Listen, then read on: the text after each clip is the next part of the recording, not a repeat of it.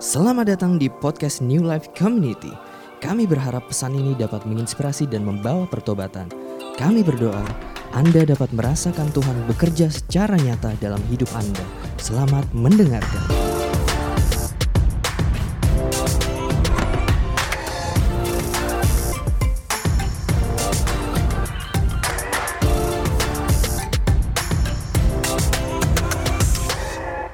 Wow, oke. Almost half ya, sudah menikah ya.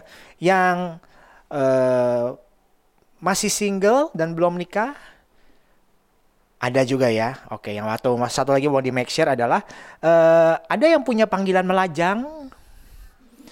Enggak, tentunya ya. Yang single pasti mau nikah juga. Jadi saya make sure saya ketemu dan ngobrol dengan orang yang tepat juga gitu ya.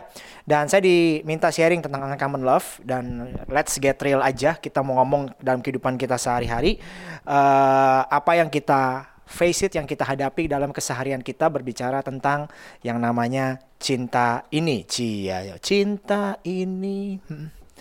Oke teman-teman sekalian, jadi cinta itu menurut saya sih eh, kalau kita ngomong tentang love gitu ya, kita sebagai orang Kristen, actually kita orang Kristen itu menariknya nih gini ya.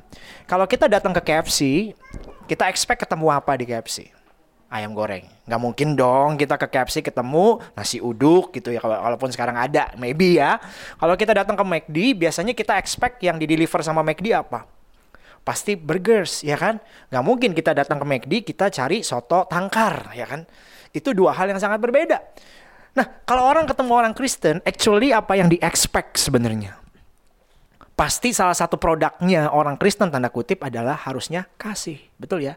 Adalah kasih yang bisa tercermin lewat macam-macam dalam kita berrelationship terutama dan apalagi kalau di bulan Februari ini banyak teman-teman uh, yang belum menikah atau yang sudah menikah juga pasti banyak mau tackle issue tentang yang namanya love ini. Nah, kalau kita bicara cinta, cinta itu nggak pernah lekang waktu berbicara cinta kasih nggak pernah lekang waktu. Jutaan lagu ditulis tentang lika-liku cinta. Jutaan lagu. Bahkan kita banyak banget yang relate gitu. Apalagi zaman saya dulu waktu saya putus cinta gitu ya. Saya sering nyanyi lagu gereja loh ini loh lagunya loh. Tuhan bila masih ku diberi kesempatan izinkan aku. Semua? Ih tahu ya. Benar-benar anak gereja ya kan? Kita tahu lagu kayak gitu-gitu atau yang zaman sekarang lebih seru-seru lagi ya. Zaman sekarang waduh lagunya lebih mengharu biru lagi atau uh, yang Juicy Lucy sekarang ya. Jangan aku apa? Na, na, na, na, luka lama pun juga belum kereda ya wajah-wajahnya kayaknya nggak tahu ya. Tahunya lagu kayak tadi Hosena cie. Bener-bener tahunya Matius Markus Lukas Yohanes saja ya. Jadi kurang tahu lagu gitu-gitu berarti uh, Komerik berhasil memuridkan di sini karena tahunya Alkitab aja ya. Oke teman-teman sekalian maksudnya saya cinta itu nggak lekang oleh waktu gitu. Cinta nggak lekang waktu banyak jutaan lagu ditulis tentang cinta bahkan Korea yang menurut saya berhasil tanda kutip menyihir dunia dengan drakornya yang kebanyakan bertemakan cinta. Biasanya apa pun deh tema drakor-drakor Korea selalu selalu ada bumbu-bumbu cintanya dan menurut saya Korea itu paling jago menggocek-gocek emosi kita. Menurut saya dibanding dengan yang uh, series barat ya gitu ya. Kalau series Korea tuh paling jago menggocek-gocek emosi kita sehingga kita punya gambaran tentang cinta tuh kayak film ini gitu ya. Uh, atau juga kita mungkin punya gambaran uh, pasangan ideal atau cowok atau cewek ideal seperti gambaran yang ini atau juga yang satu ini kembaran saya yang baru kemarin datang ke sini gitu ya uh, ramai banget waktu waktu dia datang ke sini gitu ya. Saya juga bingung sampai ada yang nangis-nangis di TikTok saya lihat begitu ngeliat dia di airport aja wah udah nangis duluan. Magic gitu ya. Jadi teman-teman sekalian, pada prinsipnya uh, kita punya gambaran cinta itu, punya gambaran kasih itu kadang-kadang dibentuk oleh pop culture seperti itu. Nah, pada prinsipnya bukan kebetulan Tuhan menaruh cinta pada hidup manusia. Bahkan saya yakin yang namanya cinta atau kasih itu punya kekuatan yang luar biasa. Contoh, contoh uh, seorang suami yang dulunya kebiasaan buruknya misalkan uh, suka taruh baju sembarangan maybe begitu dia menikah dan karena dia mengasihi istrinya bisa berubah drastis tiba-tiba jadi orang yang rapi. Atau pada saat seorang waktu PDKT dulu ya kan uh, terus cewek yang di PDKT yang bilang eh aku paling nggak suka deh cowok pakai baju hitam. Tiba-tiba dia ganti. Nggak pakai baju hitam lagi. Dia pakai baju berwarna lain yang kesukaan dari si pujaan hatinya Yang tadinya merokok bisa berhenti merokok, yang tadinya uh, tukang kebut-kebutan bisa berhenti kebut-kebutan, yang tadinya macam-macam bisa sampai rajin olahraga dan seterusnya gitu ya. Jadi orang bisa melakukan apa aja demi cinta. Orang bisa ngerjain apa aja demi cinta. Nah, cinta ada banyak. Cinta ada cinta kepada Tuhan, pada manusia, we all know that, gitu ya. Cinta ke orang tua kepada anak, ya cinta kepada pasangan suami istri, itu bahkan bukan cinta lagi kalau pasangan pada suami istri, itu udah masuk ke level yang lebih dalam lagi, yang namanya mengasihi. Karena mengasihi itu bukan pakai perasaan, tapi mengasihi itu keputusan. Lebih dalam lagi. Jadi ada cinta terhadap lawan jenis, tapi zaman sekarang juga ada cinta terhadap sesama jenis. Nah itu yang gawat karena kalau kita as a church tempat saya sendiri eh, yang saya gembalakan saya juga udah make sure sama jemaat di sini saya nggak mau memberkati yang sesama jenis. If just coincidence apa nanti coincidence happens, uh, standpoint saya seperti begitu karena Tuhan memberkati Adam and Eve bukan Adam and Steve. Kan gitu, ya kan? Jadi teman-teman sekalian itu hal yang kita perlu uh, tackle sedikit di depan mengenai konsep ini. Yang ada gawatnya ada ya, maksud yang gawatnya tuh begini, teman-teman. Yang kenapa saya rasa kita perlu bahas di sini adalah banyak orang tidak ngerti soal kasih, tidak ngerti soal cinta, tapi bermain-main dengan cinta. Widih. Gitu ya? Iya. Banyak orang tidak mengerti soal cinta tapi bermain-main dengan cinta sehingga akibatnya bahkan banyak merugikan orang lain. Even yang udah masuk dalam pernikahan pun kadang-kadang masih lupa apa yang namanya mengasihi itu. Berusaha masuk ke dalam pernikahan, tapi setelah beberapa tahun jalannya pernikahan, udah mulai kerasa, oh kok gini gitu. Kok gini ya rasanya ya. Lebih ke kayaknya gue nih mempertahankan pernikahan gue aja. Bukan menikmati pernikahan. Tahu bedanya mempertahankan dan menikmati? Ibarat kalau saudara dari sini lagi jalan-jalan di kota Paris gitu misalkan gitu saudara ya dikasih kesempatan Tuhan ya. Seharusnya kita di kota Paris naik bis kan seneng ya. Wah bagus kotanya gitu jalan-jalan bener gak tapi bayangin bisnya penuh dan saudara adalah di bagian paling luar dan hampir jatuh pegangan di bis. Saya yakin konsennya bukan ngelihat pemandangan lagi tapi make sure sampai di tempat tujuan saudara baik-baik aja. Ngerti nggak maksud saya? Jadi ada bedanya antara menikmati dengan mempertahankan. Dan banyak orang tuh nggak ngerti sih masalahnya lebih jauh lagi tentang mengasihi itu. Jadi akibatnya bermain-main dengan konsep seperti itu dan bahkan merugikan orang lain dan bahkan boleh sih kita bilang tak terhitung banyaknya orang yang terluka, sakit hati atau hidupnya terluka karena kata I love you. Betul atau betul? Semua yang masih single yang mengerti katakan ah. Iya. Banyak juga yang udah menikah pun sama. Katanya kamu mencintai saya. Kok begini? Kok lu gak mau berubah sih? Wah, banyak sekali. Tak terhitung banyak orang yang terluka atau sakit hati gegara kata I love you ini. Dan saya bahkan baca artikel ya gegara sakit hati apa yang terjadi depresi berat. Depresi berat. Stres. Melihat kelakuan pasangannya. Kalau yang udah menikah, kalau yang belum menikah, putus depresi berat. Kadang-kadang orang putus tuh lucu ya, suka kayak orang blow on gitu. Lu mau makan apa? Jadi kayak orang blow on. Kita pergi yuk, ke mana ke sini sini. Ayo dong, lu mau ikut gak? Diem aja. Pikirannya tuh banyak, seakan-akan dunia tuh runtuh. Kalau-kalau dia nggak bakal laku lagi gitu. Padahal masih banyak ikan di laut. Amin. Amin. Yang keempat itu ada bunuh diri. Bisa jadi orang juga bunuh diri juga. Jadi ini ngeri banget tapi masalahnya sekali lagi banyak orang bermain dengan cinta padahal cinta tidak untuk dipermainkan. Sedap. Kan gitu. Banyak orang bermain dengan cinta padahal cinta bukan untuk dipermainkan dan banyak orang ketipu dan bahkan menipu untuk mendapatkan cinta yang menurut dia ini caranya gitu. Itu sebabnya judul saya pada pagi hari ini di tema an, apa di Uncommon Love pada satu bulan ini saya mau kasih ngomong saya mau ngomong tentang dunia tipu-tipu. Dunia tipu-tipu judulnya. Harusnya ada ada keyboardnya dikit ya. Train dunia tipu-tipu. Just kidding, oke. Okay? Jadi sebelum saya masuk lebih dalam tentang konsep dunia tipu-tipu ini, uh, saya mau kita bermain terlebih dahulu ya. Saya ada boleh saya mau ambil sebentar, oke. Okay?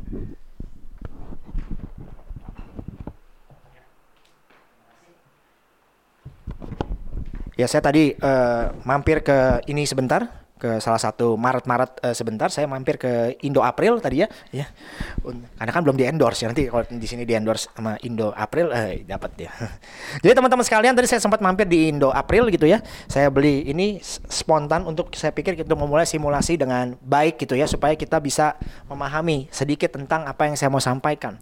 Nah saya mau main aja di sini sederhana. Permainannya gampang kok. Eh, cukup melempar bola ke masukin ke kantong ini. Gampang ya cukup lempar bola ke kantong ini. Dan satu bola saya hargai dua puluh ribu OVO point. Bener eh OVO point. OVO atau Shopee Pay atau eh, Go apalah GoPay. Nanti name it aja. Saya transferin saya draft ke teman-teman. Dan di sini syarat syaratnya saya cuma bawa lima bola. Karena kalau kebanyakan bangkrut tentu aja ya. Jadi ya saya bawa lima bola. Jadi ada yang mau bermain di sini ya pasti saya kasih jarak. Nggak mungkin deket gini dong ya kan? Saya kasih saya kasih jarak.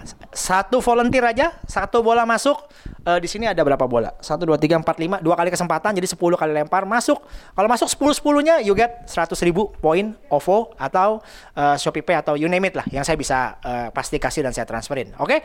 Yang jago basket atau yang jago main bola lempar? Ada mau volunteer? Hmm? Eh, saya tahu lah di sini pasti bilang Ko Andre, ayo maju. Eh, baru tadi saya mau ngomong, Ko Andre, saya kita sih bukan apa-apa, eh, tapi kekecilan Ko Andre 100 ribu ya. Kalau sejuta saya maju, Eh, saya mundur. Oke, ini teman kita siapa namanya? Saya. ini drummer kita tadi ya, namanya adalah Felix. Oke, saya boleh minta Bro maju ke depan Bro buat pegangin kantongnya. Iya. Siapa aja? Iya. Oke, pertama Felix pegang dulu ya bolanya ya Felix ya. Eh, sebelum permainan ini dimulai, saya mau tanya apakah kita pernah ketemu sebelumnya, Felix?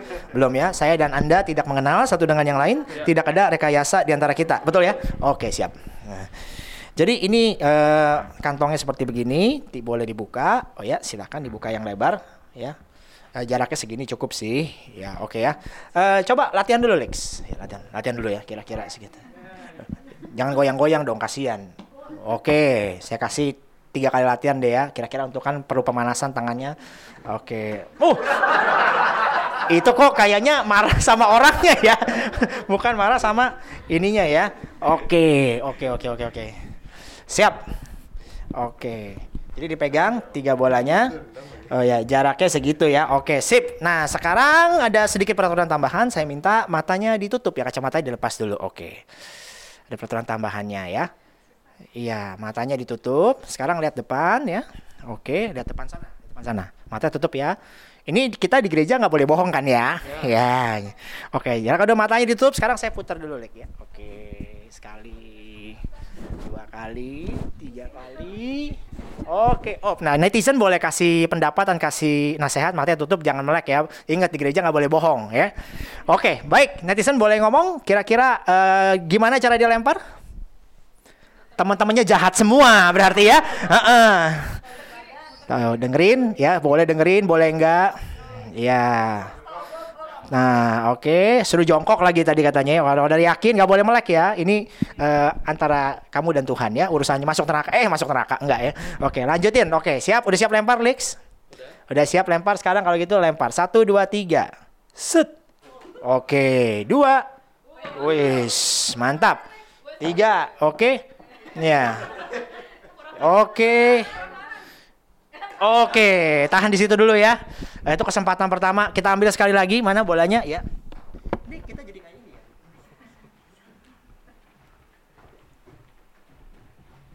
Ya, ya. Dengan cara yang sama, putar lagi. Teman-temannya kasih semangat dong. Gimana sih? Hei.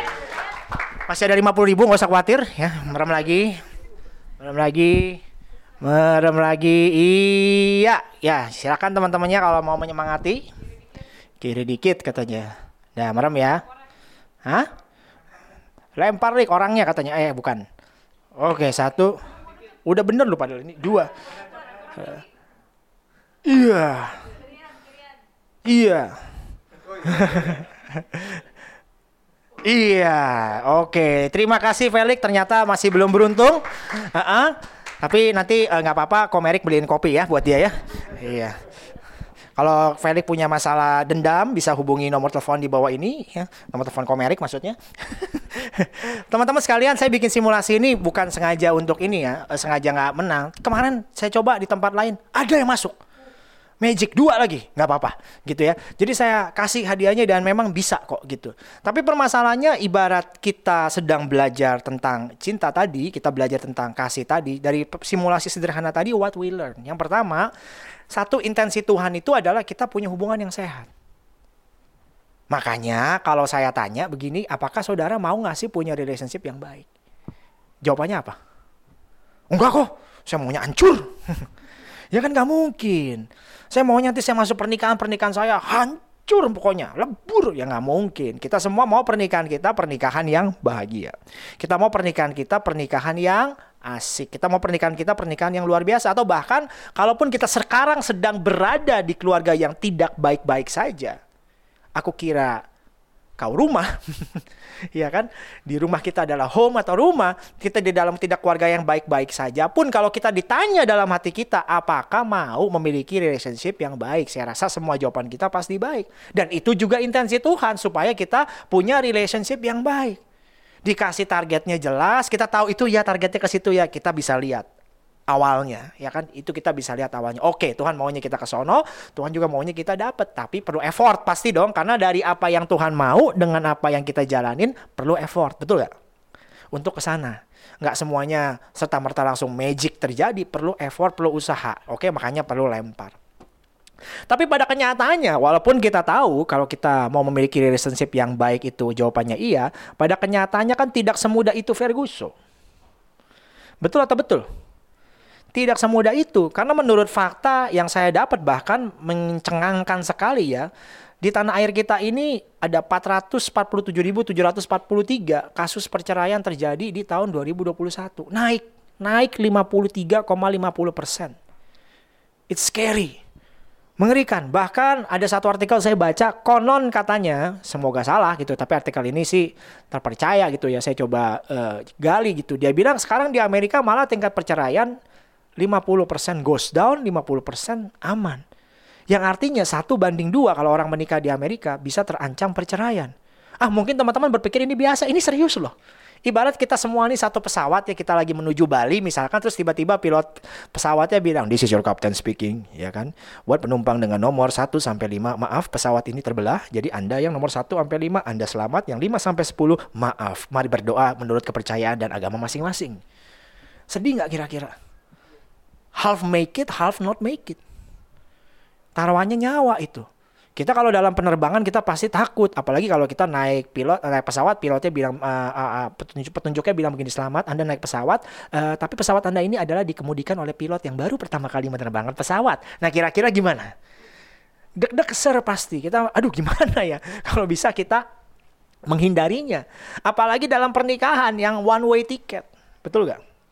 Yang one way ticket kita mesti benar-benar make sure banyak hal juga sih. Nah makanya teman-teman sekalian seperti saya kalimat saya tadi banyak orang masuk ke pernikahan main-main cinta-cintaan padahal mereka sendiri belum ngerti tuh yang namanya mengasihi dan namanya cinta itu tadi. Banyak orang masuk pernikahan ceroboh, mau buru-buru, nggak dengan konsep yang tepat sehingga pernikahannya kacau dan banyak yang orang yang menikah dengan ketidaktahuan. Abis itu ya collateral damage deh. Mereka hanya kacau, anaknya lahir, anak-anaknya melihat keluarga yang kacau, nantinya anak-anaknya akan membuat generasi berikutnya juga jadi kacau. Dan itu kayak siklus lingkaran setan.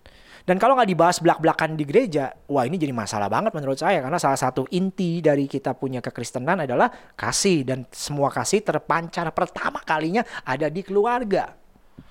Betul atau betul sih? Apalagi sekarang sangat banyak konten atau influencer berbicara soal relationship dan berbagi sudut pandang mereka. Dan sepertinya benar gitu. Padahal belum tentu tepat. Ya kan? Kalau kita nggak menyikapinya, maka kita akan ke bawah. Seperti simulasi tadi, kita melempar dengan mata kita yang tertutup untuk kebenaran firman. Itu maksud saya dengan simulasi tadi. Kita lempar dengan mata kita yang menutup, kita menutup mata kita. Walaupun tadi permintaan saya untuk kepentingan permainan. Tapi kadang dalam real life kita dengan sengaja nutup mata kita sendiri. Kita sengaja nutup mata kita sendiri. Kita nggak peduli. Ah firman Tuhan ngomong gini. Gua mah bodoh amat. Yang penting gua seneng. Lu dong jadi laki harusnya begini. Kita tuntut istri kita. Atau kita ngomong lu dong jadi cewek jadi istri tuh mesti begini-gini. Kita banyak tuntut istri kita juga sebaliknya. Kita tutup mata kita dengan kebenaran firman tuh mestinya gimana sih? Dan kita cari find out, cari cara, apalagi yang belum menikah, cari cari cari pasangan dengan cara-cara yang wow, mengerikan sekali hari-hari ini. Gitu. Dan mengambil keputusan tentang berpasangan yang mengerikan sekali. Ya inilah dunia tipu-tipu. Kita ketipu dan kita cuman based on feeling kadang-kadang ngambil keputusan. Karena gua feeling nggak seneng berarti ini doesn't right.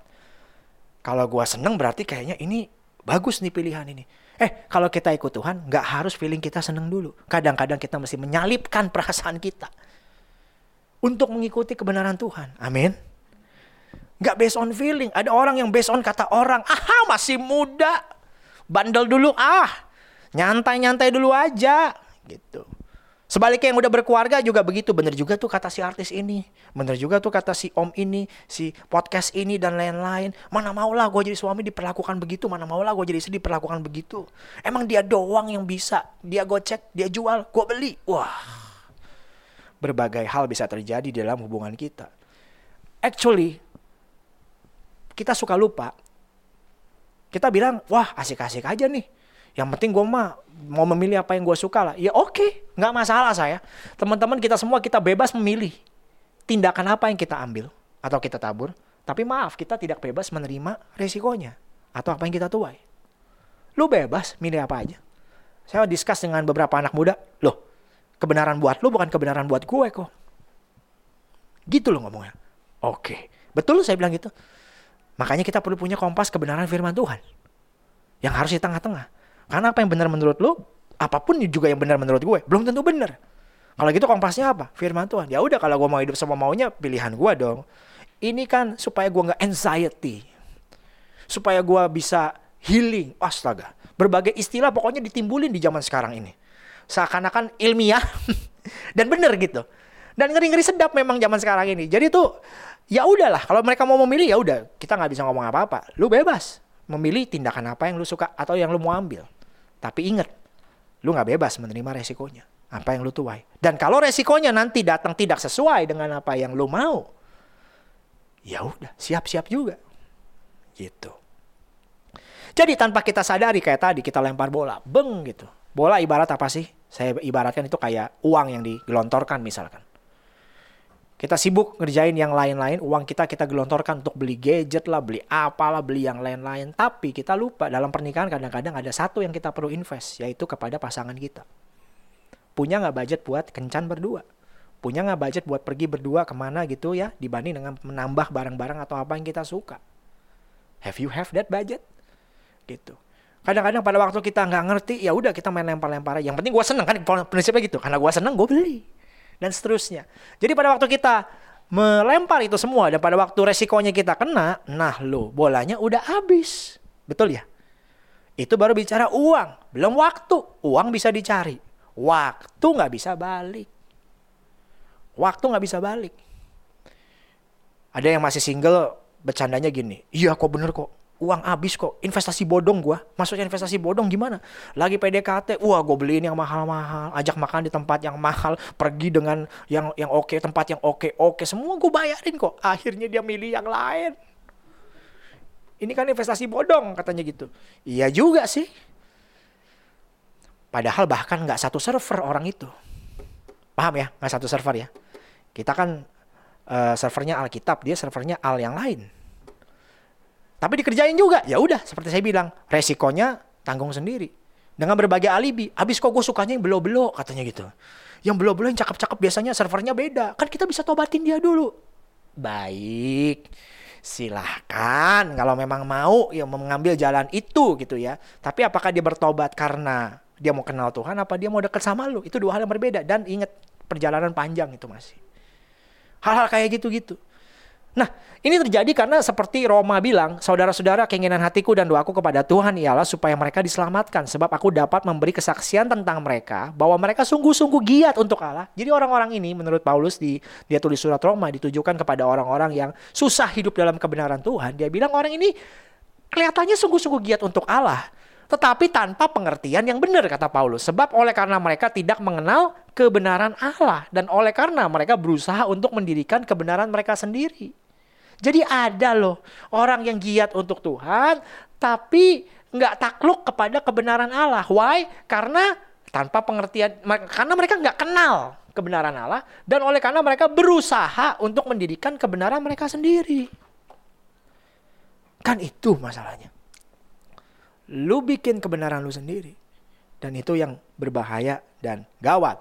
Ke dalam konteks hubungan, menurut saya, kita mesti datang dengan kebenaran yang tepat. Kompasnya harus firman Tuhan. Dan hubungan itu kan melibatkan dua orang. Ibarat omlet.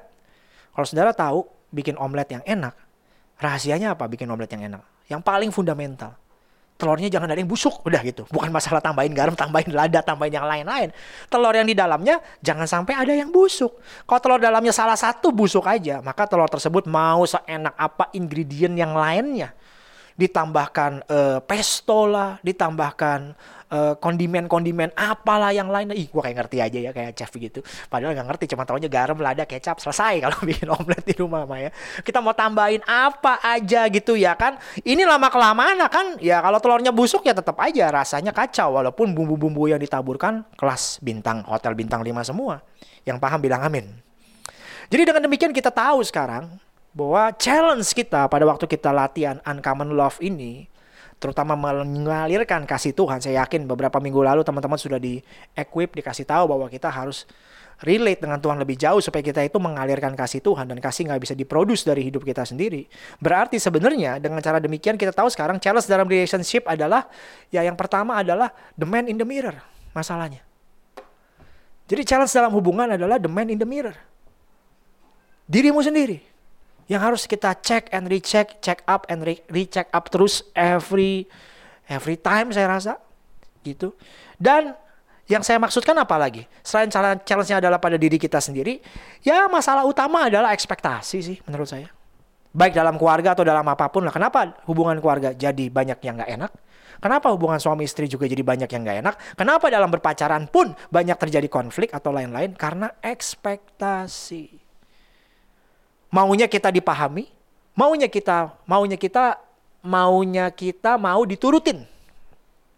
Gitu.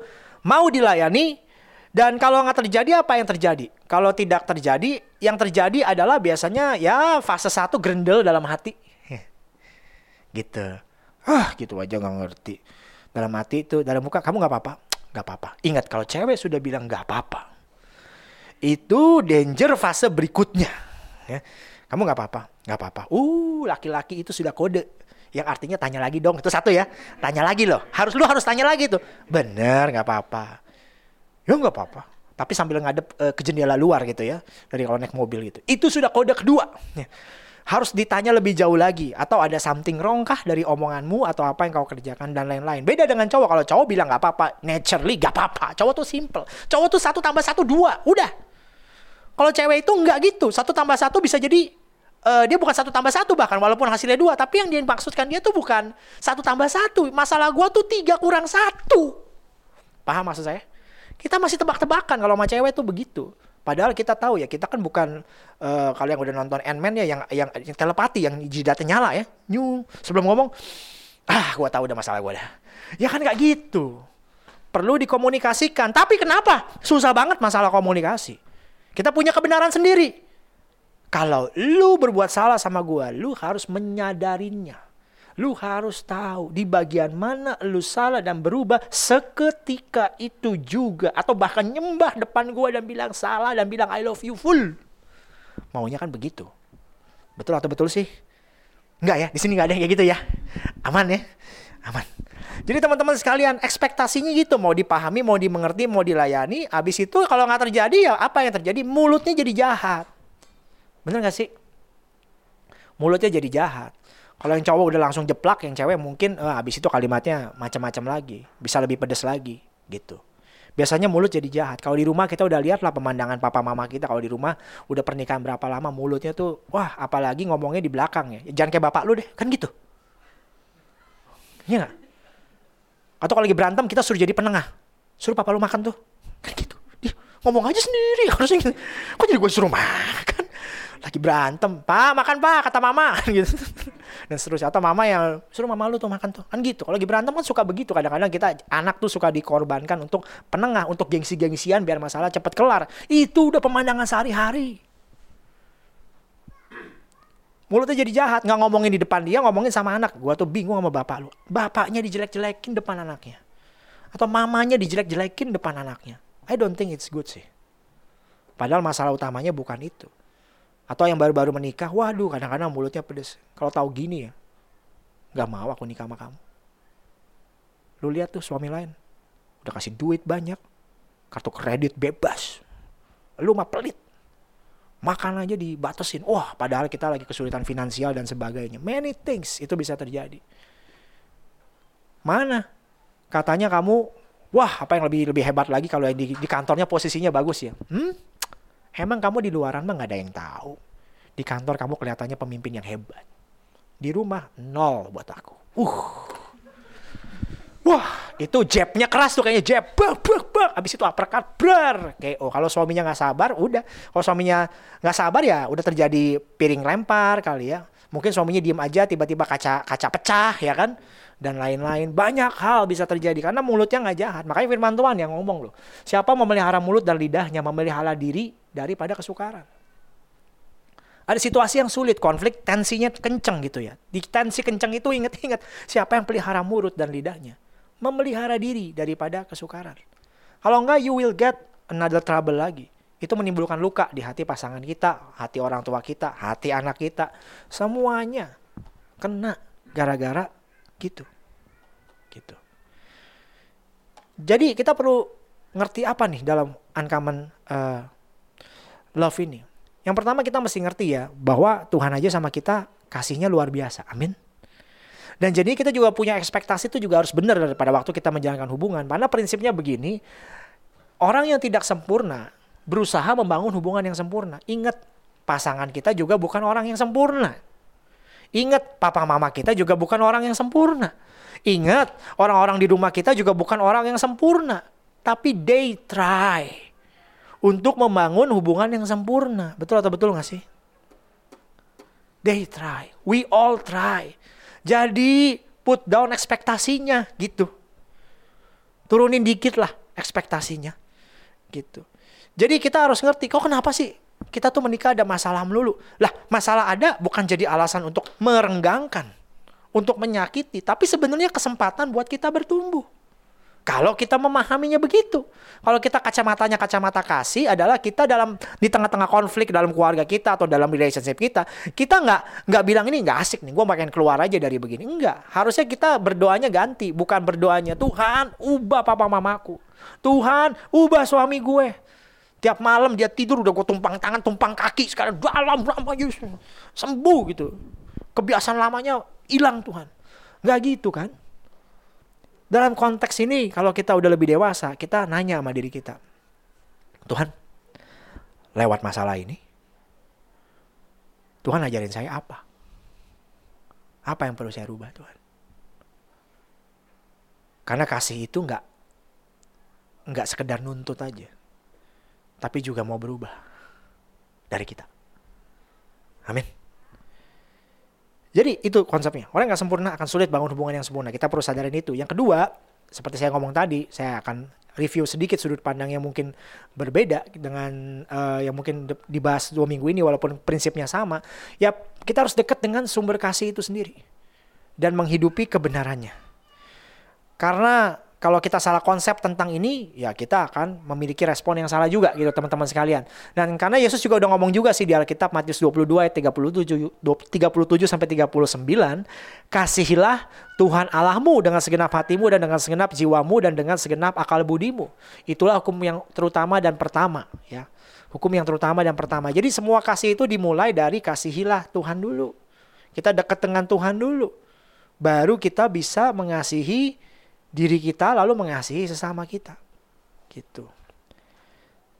Nah, dalam konteks kasih ini sebenarnya pada waktu kita mau masuk dalam hubungan apa pun, Tuhan itu pengen kita itu menjadi pribadi yang utuh dulu pada waktu kita masuk hubungan gitu ya. Jadi kata kuncinya supaya kita ngerti kita bisa mengasihi ini adalah kita mau jadi a single person. Bahkan dalam kejadian 2 ayat 18 kita udah tahu tidak baik kalau manusia itu seorang diri aja kata firman Tuhan. Baiklah kita ciptakan penolong yang sepadan dengan dia. Nah, di situ tuh satu prinsip yang sangat kaya ya, menjadi pribadi yang single itu satu prinsip yang sangat kaya. Di situ tuh sendiri kata bahasa Inggrisnya alone. It is not good a man to be alone. Bukan lonely juga ya, bukan lonely juga. Karena pada waktu itu Adam tidak lonely, dia nggak ngerti sih ada rasa cinta nggak ngerti dia, nggak kayak kita sekarang gitu ya kan. Dia kerja mah kerja aja, dia kerjain apa yang di tangan dia dipercayakan dia kerjain aja. Jadi saya share Adam tuh nggak lonely. Tapi kata Firman Tuhan, it is not good. Dari setiap dari kalau kita baca dari penciptaan semuanya Tuhan bilang it's very good. Pada hari pertama ciptain langit dan bumi benda-benda penerang di langit, benda-benda yang apa binatang berkeriapan di bumi. Firman Tuhan bilang it's all good dan pertama kalinya keluar kata it's not good adalah ini. It is not good to man alone. Alone ya. Kok bukan single? Berarti single itu bukan masalah dan Adam itu alone tapi dia single. Gitu. Jadi konteks, konteks single ini juga cukup penting ya. Jadi pada waktu dalam menurut saya banyak permasalahan dalam pernikahan pun bukannya mereka gimana ya mereka nggak jadi orang yang single atau orang yang utuh gitu. Nah single apa sih? Kalau menurut Mas Munro gitu ya, single ini adalah being complete and whole in Christ. Jadi bukan membutuhkan orang lain supaya kita berasa komplit gitu. Bukan. Jadi kita ini being complete and whole in Christ. Ibarat gelas bukan setengah gelas. Dia gelasnya full kayak begini gitu, ibarat gelas. Nah masalahnya kan orang tuh nggak single gitu. Begitu masuk dalam hubungan, mereka itu belum utuh, belum komplit atau belum whole. Maksudnya apa sih kok Andre belum komplit, belum whole? Kalau saya coba cek kata aslinya lebih dalam lagi, single itu unik, whole, komplit, ibarat sebuah vas bunga yang bagus banget gak ada cacatnya dari luar kita lihatnya udah indah banget sehingga tidak membutuhkan apa pun dari luar untuk memperindah dia. Itu artinya tidak membutuhkan apa pun faktor dari luar untuk memperindah dia. Itu maksudnya keadaan single. Jadi orang yang single itu tahu identitinya di dalam Tuhan, tahu uh, value dia di dalam Tuhan, tahu uh, callingnya di dalam Tuhan, tahu juga bahwa dia adalah orang yang kasihnya tuh datangnya dari Tuhan dan penuh, tidak butuh apa pun dari luar untuk merasa membuat dia itu merasa komplit atau whole. Nah masalahnya banyak orang masuk dalam hubungan kan nggak single Konsepnya begini. Makanya begitu menikah, bilangnya apa? You complete me. Salah nggak? Ya buat sekedar puisi. Masa salah sih kok Andre? Iya. Tapi kalau kita ngomong lebih dalam lagi. No. Enggak, enggak ngomong. Waktu waktu pernikahan aja, waktu bikin video wedding aja itu bunyinya you complete me. Setelah lima tahun menikah saya mau nanya, bener? Tujuh tahun pernikahan saya tanya, bener? Saya udah 10 tahun menikah sih. Masih junior lah hitungannya. Direnung-renungin nggak gitu konsepnya. Nah, apa bedanya? Pada satu orang-orang orang-orang yang nggak single itu ibarat apa? Ya kayak gini, merasa butuh kasih dari orang lain, udah kayak vakum cleaner modelnya, nyedot terus, nyedot terus. Sebaliknya orang yang single atau yang gelasnya penuh begini, dia masuk hubungan gelasnya dalam kondisi penuh. Dalam kondisi yang udah dia feel complete, dia jadi gini. Maksud saya, orang yang single tadi intimacy dan romance bukanlah tempat buat dia cari love. Itu maksud saya. Tapi adalah place uh, is a place where you share love. Orang yang single ngerti itu. Intimacy dan romance bukan tempat untuk cari love tapi it's a place to share your love. Nah kan keren ya kalau orang yang gelasnya penuh itu masuk ke dalam pernikahan dua-duanya das gitu loh. Gile mereka tahu. Mereka masuk pernikahan bukan untuk cari bahagia itu di marriage one di tempat saya. Siapa di sini pernikahan yang mau bahagia? Oh pada angkat tangan semua calon pasangan yang BPN kan. Saya bilang forget it. Hah? Forget it? Gimana? Bukannya nikah kita cari bahagia. Nikah nggak cari bahagia. Tapi untuk mau membahagiakan pasangan kita. Then we will find true happiness. Mungkin gak common ya prinsipnya. Tapi that's truth. Kalau ada dua orang yang sama-sama penuh masuk pernikahan dan saling membahagiakan. Dia akan mikir Gimana gue jadi istri yang lebih baik ya buat suami gue ya? Gimana ya gue jadi suami yang lebih baik ya buat istri gue ya? Sih, enak, mature, dewasa. Masuk ke dalamnya nggak gontok-gontokan. Walaupun ada proses sih, saya yakin nggak semudah itu Ferguson ya. Tapi juga ada momen di mana kalau minim-minim konsepnya udah nangkep, itu akan flow dengan baik. Lebih baik lah maksud saya. Damage-nya istilahnya problemnya bisa lebih di reduce gitu. Kalau kita datang dengan pengertian yang benar. Masalahnya itu tadi. Dia datang dengan kondisi yang begini. Padahal untuk ini menjadi penuh, nggak bisa sih dipenuhin pasangan kita juga. Hanya bisa dipenuhi oleh Tuhan. Dan kalau kita udah mature di dalam Tuhan, now we understand. Bukankah pernikahan juga menurut saya adalah sarana kita untuk mengerti karya salib Yesus, kasih Yesus yang tidak bersyarat itu kepada kita. Mempelainya, kita baca di Alkitab kan gitu kan.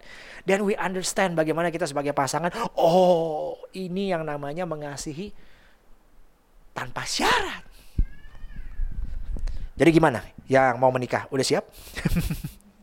yang udah dalam pernikahan, berdoalah hmm, supaya pernikahan kita bisa menjadi lebih baik.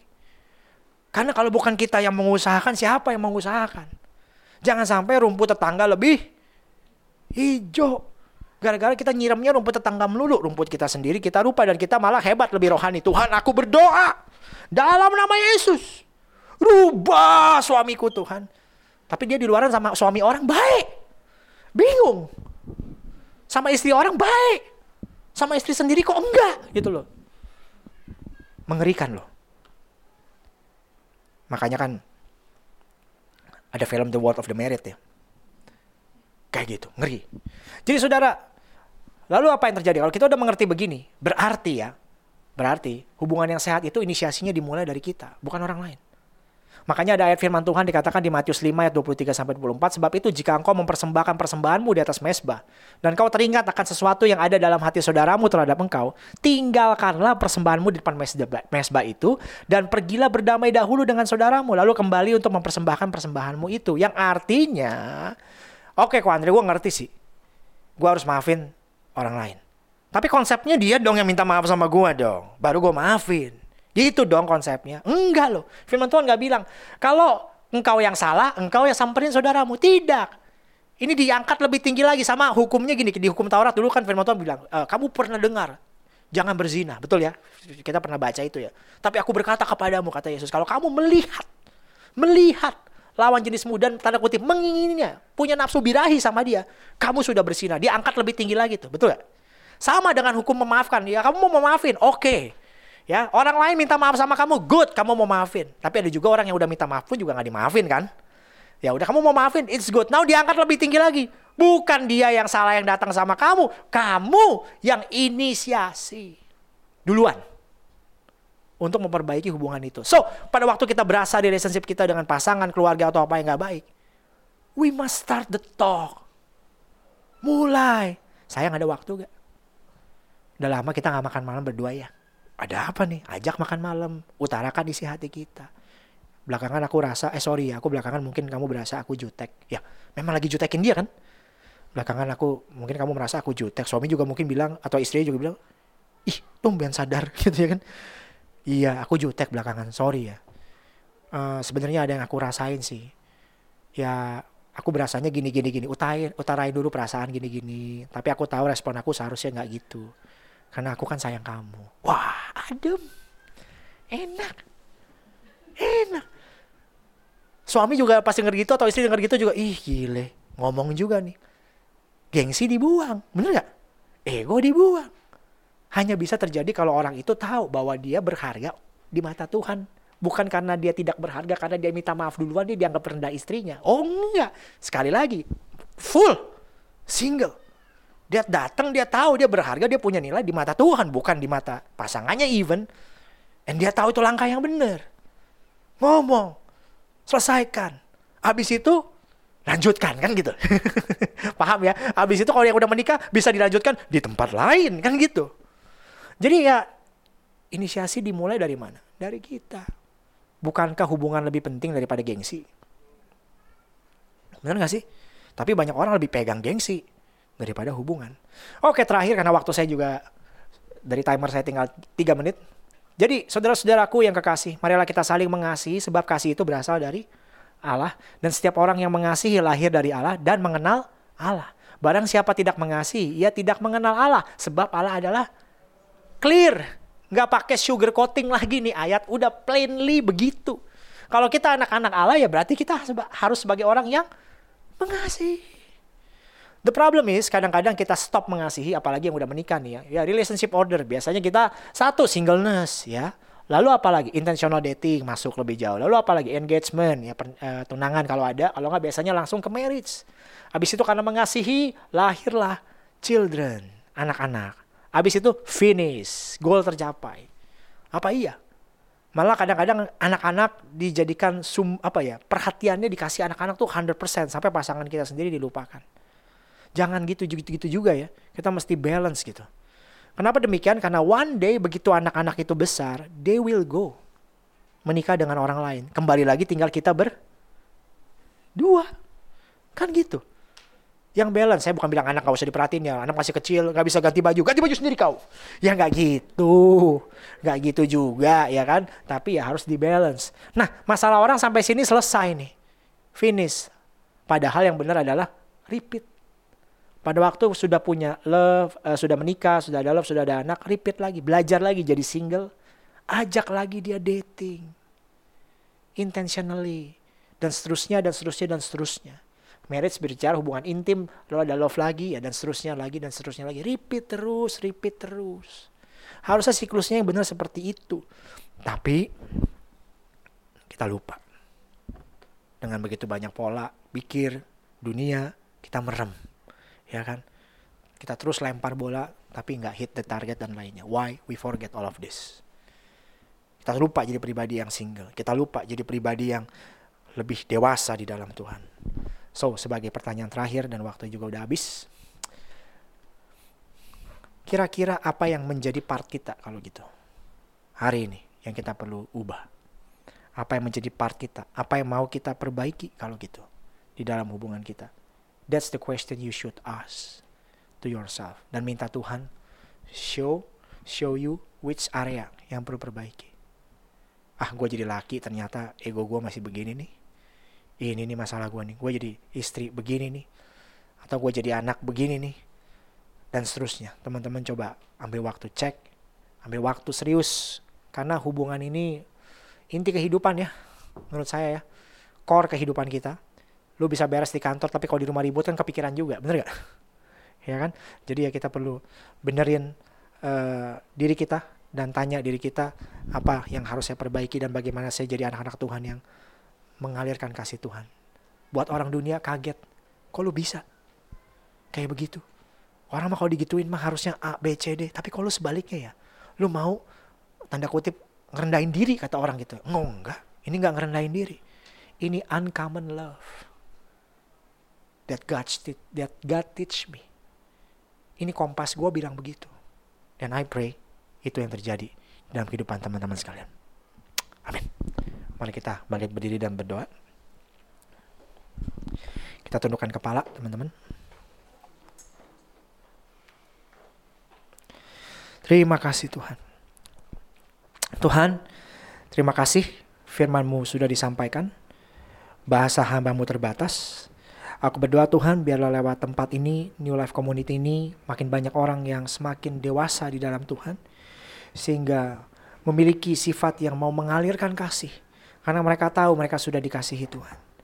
Mau mengalirkan kasih kepada orang tuanya, mengalirkan kasih kepada pasangannya kalau yang sudah menikah Tuhan. Dan juga mengalirkan kasih kepada pasangannya juga kalau yang masih berpacaran Tuhan. Dan mau jadi pribadi yang lebih baik lagi di dalam Tuhan. Tuhan aku berdoa biar kuasamu semakin nyata dalam kehidupan mereka, biar semangatmu, uh, kasihmu makin mengalir dalam hidup mereka Tuhan. I pray Tuhan di dalam nama Tuhan Yesus. Saat ini ampuni kami kalau mungkin kami selama ini menjadi pribadi yang meluluh lantakan hubungan kami sendiri. Kami jadi pribadi yang nggak jaga mulut kami. Kami jadi pribadi yang nggak menjaga hati kami Tuhan. Tapi biarlah mulai hari ini, your uncommon love membuat kami share uncommon love also kepada orang-orang yang ada di sekitar kami. Aku berdoa Tuhan, satu bulan ini kami sudah belajar mengenai hal itu, Tuhan materaikan, Tuhan dewasakan kami semua, dan biarlah kami bertumbuh di dalam kasih. Dan aku berdoa, kuasa Tuhan, di dalam nama Yesus, itu yang memerdekakan kami, menguatkan kami, memampukan kami untuk kami bisa hidup menjalankan kasih-Mu ini, menyebarkan kasih-Mu ini kepada orang-orang di sekitar kami. Terima kasih Tuhan. Berkati teman-teman di tempat ini, berkati kepemimpinan di tempat ini, dan biarlah nama Tuhan yang dimuliakan. Di dalam nama Tuhan Yesus, semua yang diberkati katakan, Amin. God bless you all. Kasih tepuk tangan yang meriah buat Tuhan. Haleluya. Terima kasih sudah mendengarkan podcast ini. Kami berdoa Anda diberkati melalui pesan yang telah disampaikan. Mari sapa kami melalui Instagram @newlifec dan bagikan pesan ini supaya lebih banyak orang yang diberkati.